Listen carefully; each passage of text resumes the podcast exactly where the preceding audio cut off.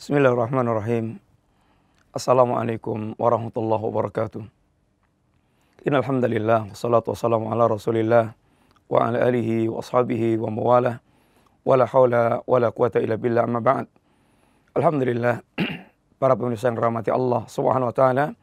Kembali kita dalam kajian silsilah akidah, akidah Ahlussunnah wal Jamaah, akidah Islam yang diwariskan Rasulullah wasallam dan para sahabatnya, akidah yang terbedakan dari firaqud dhalah, kelompok yang sesat dari jalan Rasulullah sallam, akidah yang salahnya seorang muslim dia memahami tentang perkaranya karena merupakan perkara yang sangat mendasar dan paling mendasar dari keseluruhan agama yang dia miliki.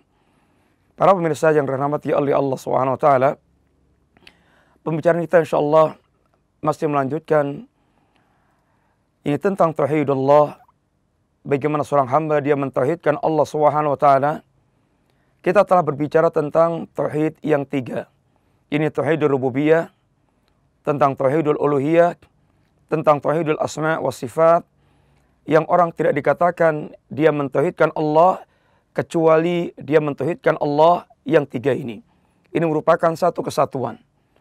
Sehingga seandainya di negeri kita ini orang dikatakan berketuhanan yang masa dalam tinjuan Islam orang belum dikatakan berketuhanan yang masa kecuali dia mewujudkan tauhid yang tiga tersebut. Ini tauhid rububiyah, tauhid yang berkaitan dengan af Allah, berkaitan dengan perbuatan-perbuatan Allah, tauhid yang berkaitan dengan uluhiyah, bagaimana para hamba memberikan semua ibadah kepada Allah atau af'alul ibad, perbuatan para hamba untuk mewujudkan semua ubudiyah tertujuannya kepada Allah Subhanahu wa taala. Atau demikian pula tauhidul asma sifat, yakni tauhid yang berkaitan dengan penetapan semua nama dan sifat-sifat Allah Subhanahu wa taala. Ketika seorang muslim telah menetapkan tiga perkara tauhid ini, baru dia dikatakan seorang muwahhid, orang yang betul-betul mentauhidkan Allah Subhanahu wa taala. Apabila belum, maka dia belum dikatakan seorang ahli tauhid. Kaum muslimin yang dirahmati Allah Subhanahu wa taala, insyaallah kita akan sedikit menyempurnakan pembicaraan tentang tauhid rububiyah. Ini tauhid yang berkaitan dengan af'alullah. Ini perbuatan para uh, perbuatan Allah taala. Allah yang mencipta, Allah yang memiliki, Allah yang mengatur seluruh alam jagat raya, Allah al-muhi, al-mumit yang menghidupkan, yang mematikan, ar-rasik, Allah yang memberikan rezeki, Allah an-nafi, al-dhar, dan seterusnya. Ini merupakan pembicaraan yang berkaitan masalah tauhid rububiyah, hal yang berkaitan dengan i'tiqad kita tentang Allah taala. Sesungguhnya tauhid jenis ini hampir semua makhluk atau manusia menetapkan dan mengakui. Sampai toh yang dikatakan yang paling kafir terhadap Allah Subhanahu wa taala. Lihatlah di antaranya iblis. Bagaimana ketika iblis ditanya oleh Allah, kenapa iblis dia tidak mau sujud kepada Adam? Apa katanya? Ana khairu minhu khalaqtani min nar wa khalaqtahu min tin. Ya Rob, saya lebih baik daripada Adam. Engkau ciptakan aku dari tanah, engkau ciptakan aku dari api, sedangkan Adam engkau ciptakan dari tanah. Ini perkataan iblis, dia menyangka api lebih baik daripada tanah, dan inilah iblis yang telah membuat kias pertama kali, kias yang batil, kias yang rusak, yang fasid, yang selanjutnya nanti ditiru oleh para pengikut iblis untuk menolak kebenaran dengan membuat kias yang fasid. Yang kita ambil adalah iblis meyakini dan mengakui bahwasanya Allah Subhanahu wa taala adalah Al-Khaliq. Khalaqtani engkau ciptakan aku ya Rabb berarti iblis dia telah mengatakan mengakui dan meyakini Allah adalah Al-Khaliq, Allah pencipta. Ketika Firaun sedurhaka rukanya manusia sampai pada tingkatan ucapan Firaun Ana rabbukumul a'la. Aku Rabb yang paling tinggi, aku Rabb kalian yang paling tinggi. Ma alimtu ma ma, ma lakum min ilain ghairu. Ma alimtu lakum min ilain ghairi. sesungguhnya tidak aku tidak melihat, aku tidak mengetahui adanya ilah sesembahan bagi kalian selain diriku. Ma'alim tulakum min ilahin ghairi. Ini tentu ucapan yang sombong.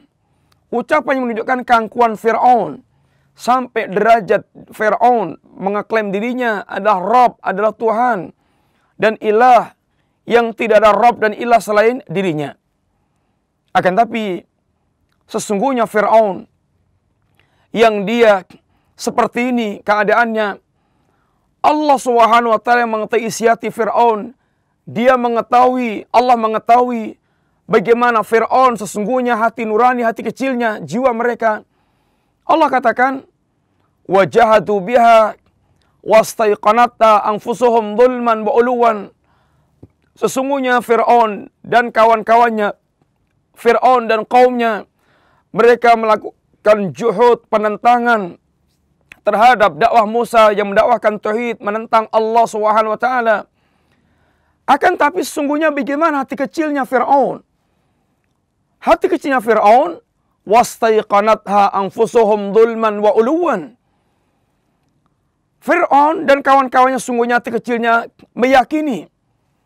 Meyakini tentang Allah yang diajarkan Musa, yang diajarkan Musa. Akan tapi kenapa melakukan penolakan secara zahir? Zulman wa uluwan. Karena kezalimannya dan karena keangkuhannya. Karena kezalimannya dan karena keangkuhannya. Dan kita mendapatkan kisah yang lebih menakjubkan lagi. Ini bagaimana ketika Fir'aun dia menjelang kematiannya ketika ditenggelamkan Allah di lautan. Apa kata Fir'aun? Dia mengatakan, Amantu annahu la ilaha illa alladhi amanat bi banu Israel wa ana minal muslimin. Aku beriman sesungguhnya tidak ada ilah yang sebenarnya kecuali apa yang diimani oleh Bani Israel dan aku termasuk orang-orang yang berserah diri, termasuk orang-orang muslimin. Maka keinginan Fir'aun untuk dia beriman kepada Allah Subhanahu wa taala dan ini menunjukkan isi hati kecilnya Fir'aun sesuatu yang yang yang aslinya daripada pengakuan Fir'aun tentang Allah Subhanahu wa taala. Akan tapi karena Fir'aun terlambat. Akan tapi karena Fir'aun dia terlambat mengungkapkan kalimat tersebut, kalimat iman tersebut. Maka Allah pun tolak. Al-an wa qad asaita qablu Ya Fir'aun, baru sekarang engkau mengucapkan kalimat tersebut. Baru sekarang engkau mengucapkan kalimat iman. Sedangkan engkau sebelumnya selalu bermaksiat kepada Allah Subhanahu wa taala. Yani Allah tolak keimanan Firaun. Allah tidak akui tentang keimanan Firaun. Lihat bagaimana Firaun orang yang sombong dan angkuh sampai mengatakan dirinya Rob dan Ilah. Dia di akhir hayatnya bagaimana mengakui tentang Allah Subhanahu wa taala. Sehingga sesungguhnya hampir tidak ada orang yang mereka mengingkari Allah kecuali secara zahir semata-mata. Karena fitrahnya manusia adalah mengakui Allah Subhanahu wa taala entah dengan keyakinan bagaimana bahasa bagaimana akan tapi alamatnya adalah kepada Allah Subhanahu wa taala. Oleh karena itulah orang-orang musyrikin juga bukan orang yang mereka ateis, akan tapi orang yang mereka memiliki pengetahuan tentang Allah, pengakuan tentang Allah hanya masalahnya orang-orang musyrikin adalah orang yang mereka tidak mewujudkan tauhid uluhiyah. Ini penghambaan yang murni yang total kepada Allah Subhanahu wa taala. Kaum muslimin yang rahmati Allah, pertanyaannya tentu di antaranya adalah ada enggak kemudian di sana perbuatan-perbuatan yang menunjukkan kesyirikan yang berkaitan dengan tauhid rububiyah ini. Maka bisa kita nukilkan bahwa di sana ada perbuatan-perbuatan yang masuk dalam kategori syirik dalam masalah rububiyah. Seperti di antaranya menisbatkan adanya kekuatan yang bisa mendatangkan manfaat dan menolak madarat selain Allah Subhanahu wa taala. Ini di antara satu jenis perbuatan kesyirikan dalam masalah rububiyah. Dalam hal ini di antaranya yang dikatakan Nabi Shallallahu Alaihi Wasallam dalam sebuah hadis, Inna ruqa wat tamaim wattiwala syirkun. Sesungguhnya arruqa jampi-jampi perdukunan. Arruqa jampi-jampi perdukunan. Wattamaim dan jimat-jimat. Wattiwala dan pelet yang merupakan bagian pada sihir merupakan perbuatan kesyirikan. Karena dalam perbuatan-perbuatan ini ada perkara-perkara yang seharusnya itu hanya dikhususkan untuk Allah akan tapi dia letakkan kepada selain Allah Subhanahu wa taala. Sebagaimana para ulama ketika mengatakan tentang definisi syirik adalah tasfiyatu ghairillah billah fima huwa min khasaisillah. Dia menyamakan selain Allah dengan Allah dalam perkara yang merupakan kekhususan Allah Subhanahu wa taala. Lihatlah lihat sekarang di antaranya ar-ruqa. Jampi-jampi perdukunan. Jampi-jampi perdukunan. Yang dunia perdukunan di antaranya yang para dukun mereka biasa mengendalikan masalah-masalah orang-orang musyrikin dan di antara yang diyakini tentang para dukun adalah mereka alimul ghaib, mengetahui perkara yang gaib sehingga mereka sering meramal meramal nasib dan para dukun ini mereka min awliya syaitan, wali-wali syaitan yang syaitan memberikan wahyu kepada para dukun dan paranormal. Inna syayatina layuhuna ila awliyaihim. Para syaitan mereka memberikan wahyu pada para wali-walinya. Arqa merupakan bagian cabang daripada perbuatan kesyirikan. Sehingga Rasulullah pun mengatakan di antaranya, SAW mengatakan, Man atakahinan au arrafan fasaddaqa bima yaqul faqad kafara bima unsila ala Muhammadin sallallahu alaihi wasallam. Barang siapa yang dia mendatangi dukun dan paranormal, kemudian dia membenarkan perkataannya, maka dia telah mengingkari Al-Qur'an yang diturunkan kepada Rasulullah sallallahu alaihi wasallam. Karena Al-Qur'an mengatakan la ya'lamul ghaiba illallah, tidak ada yang mengetahui yang gaib kecuali hanya Allah Subhanahu wa taala. Sedangkan orang-orang ini dia mengatakan bahwasanya para dukun dia diyakini mengetahui yang gaib maka dia telah mengkari Al-Quran yang diturunkan kepada Rasulullah SAW. Atya kemudian at-tamaim, jimat-jimat. Jimat-jimat. Sesuatu yang diyakini mendatangkan manfaat atau menolak madarat. Sehingga sering sekali dengan jimat itulah dia merasa memiliki kekuatan hebat. Dan dia akan bisa menolak madarat yang akan datang pada dia. Sehingga dia telah meletakkan eh, sehingga dia telah meletakkan tawakal kepada jimat-jimat tersebut sehingga bagaimana kisah-kisah yang banyak kita mendengar, kita dengarkan. Ada orang yang mereka ketika bersama dengan jimatnya dia merasa kuat dan merasa dokdeng, merasa sakti. Akan tapi ketika dia ketinggalan jimatnya bagaimana dia lemas seketika.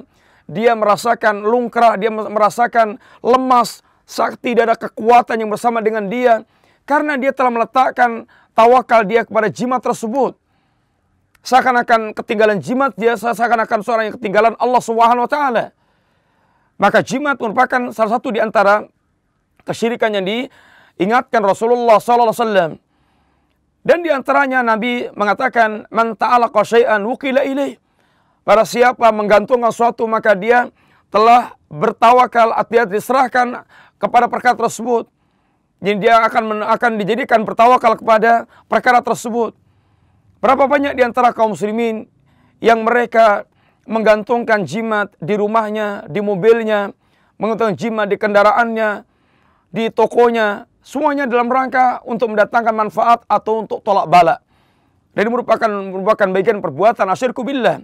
Watiwalah demikian watiwalah yang merupakan perbuatan sihir yang dilakukan oleh para dukun dan tukang sihir. Dan di antara pula termasuk di antara asyirku fi rububiyah, kesyirikan dalam masalah rububiyah Allah Subhanahu wa taala yaitu at-tatayur. At-tatayur sebagaimana yang pernah kita sampaikan bahwa tatayur merupakan yaitu perasaan atau keyakinan sial yang dikaitkan dengan apa yang dia lihat atau apa yang dia dengar atau yang dia yakini dari suatu perkara mendatangkan sial. Sebagaimana orang yang mereka bertatayur dengan ini bulan suro orang Jawa sehingga hampir tidak ada mengadakan walimah di bulan surah atau juga tatayur dengan hewan, dengan kucing, dengan cecak, dengan ini burung gagak Dia yakini apabila ada burung gagak yang mencolok di sebuah rumah, yang hingga di sebuah rumah maka alamat akan ada yang mati. Sehingga dia pun selalu dibayang-bayangi ketakutan. Demikian pula ini di mana berkaitan masalah kucing. Apabila orang dia menabrak kucing maka dia memiliki keyakinan akan ada alamat sengsara celaka. Rasulullah mengatakan at-tiaratu syirkun, at-tiaratu syirkun, at-tiaratu syirkun. Tiara itu syirik, tiara itu syirik, tiara itu syirik. Tatayur syirik. Kenapa demikian? Karena orang bertatayur maka dia telah kehilangan tawakal kepada Allah Subhanahu wa taala dan dia meletakkan tawakal kepada selain Allah Subhanahu wa taala. Dan dia yakini adanya sesuatu yang bisa mendatangkan manfaat atau menolak madarat atau mendatangkan madarat selain Allah Subhanahu wa taala. Oleh karena itulah kita akan mendapatkan keadaan pada kejuan orang yang bertatayur ada dalam dua keburukan yang satu lebih parah daripada yang lainnya. Orang memiliki tatayur, maka berkaitan dengan perbuatan, dengan agenda acara dia, dia akan gagalkan agenda acaranya itu karena tatayur. Rasulullah SAW mengatakan, Man rodathu atiyaratu an hajati faqad asyrak. Barang siapa yang dia menggagalkan acara dia, gara-gara tatayur, maka dia telah berbuat syirik. Sebagaimana orang dia menggagalkan acara walimah, menggagalkan kepergian, menggagalkan rencana dia untuk melakukan sesuatu karena tatuyur. Dan ini sangat banyak sekali dilakukan sebagian kaum muslimin kita. Yang demikian merupakan cabang perbuatan syirik yang diingatnya Rasulullah sallallahu alaihi wasallam. Yang Nabi kita sallallahu alaihi wasallam ikhwati fillah mengajarkan kepada kita bagaimana kita mengembalikan tawakal kita murni kepada Allah Subhanahu wa taala sehingga wa alaihi tawakkalu in kuntum muslimin. Hanya kepada Allah lah Anda hendaknya bertawakal seandainya Anda orang Islam.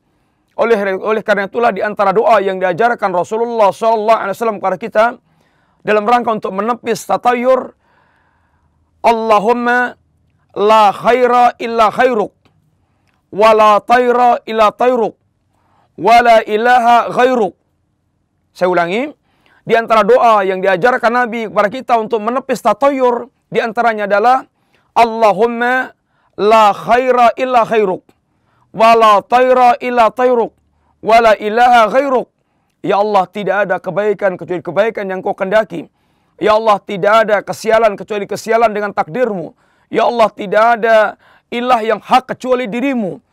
Ini yang diajarkan Nabi kepada kita dalam rangka untuk meluruskan tauhid kita dan melenyapkan tatayur seandainya itu hingga sewaktu-waktu dalam diri kita sehingga kita terjaga akidah kita di antaranya tauhid rububiyah kita terhadap Allah Subhanahu wa taala. Dengan demikian sungguh sangat menjaga akidah kita perkara yang sangat pokok, sangat penting yang harus kita perhatikan jangan sampai kita terjerumus dalam perbuatan yang bertentangan dengan akidah apalagi akidah sekali lagi menempati posisi akar bagi sebuah pohon dan pondasi bagi sebuah rumah maka jagalah perhatikanlah Jangan sampai mengalami kerusakan dalam perkara tersebut. Demikianlah para pemirsa yang rahmati Allah mudah-mudahan manfaat. Wassalamualaikum warahmatullahi wabarakatuh.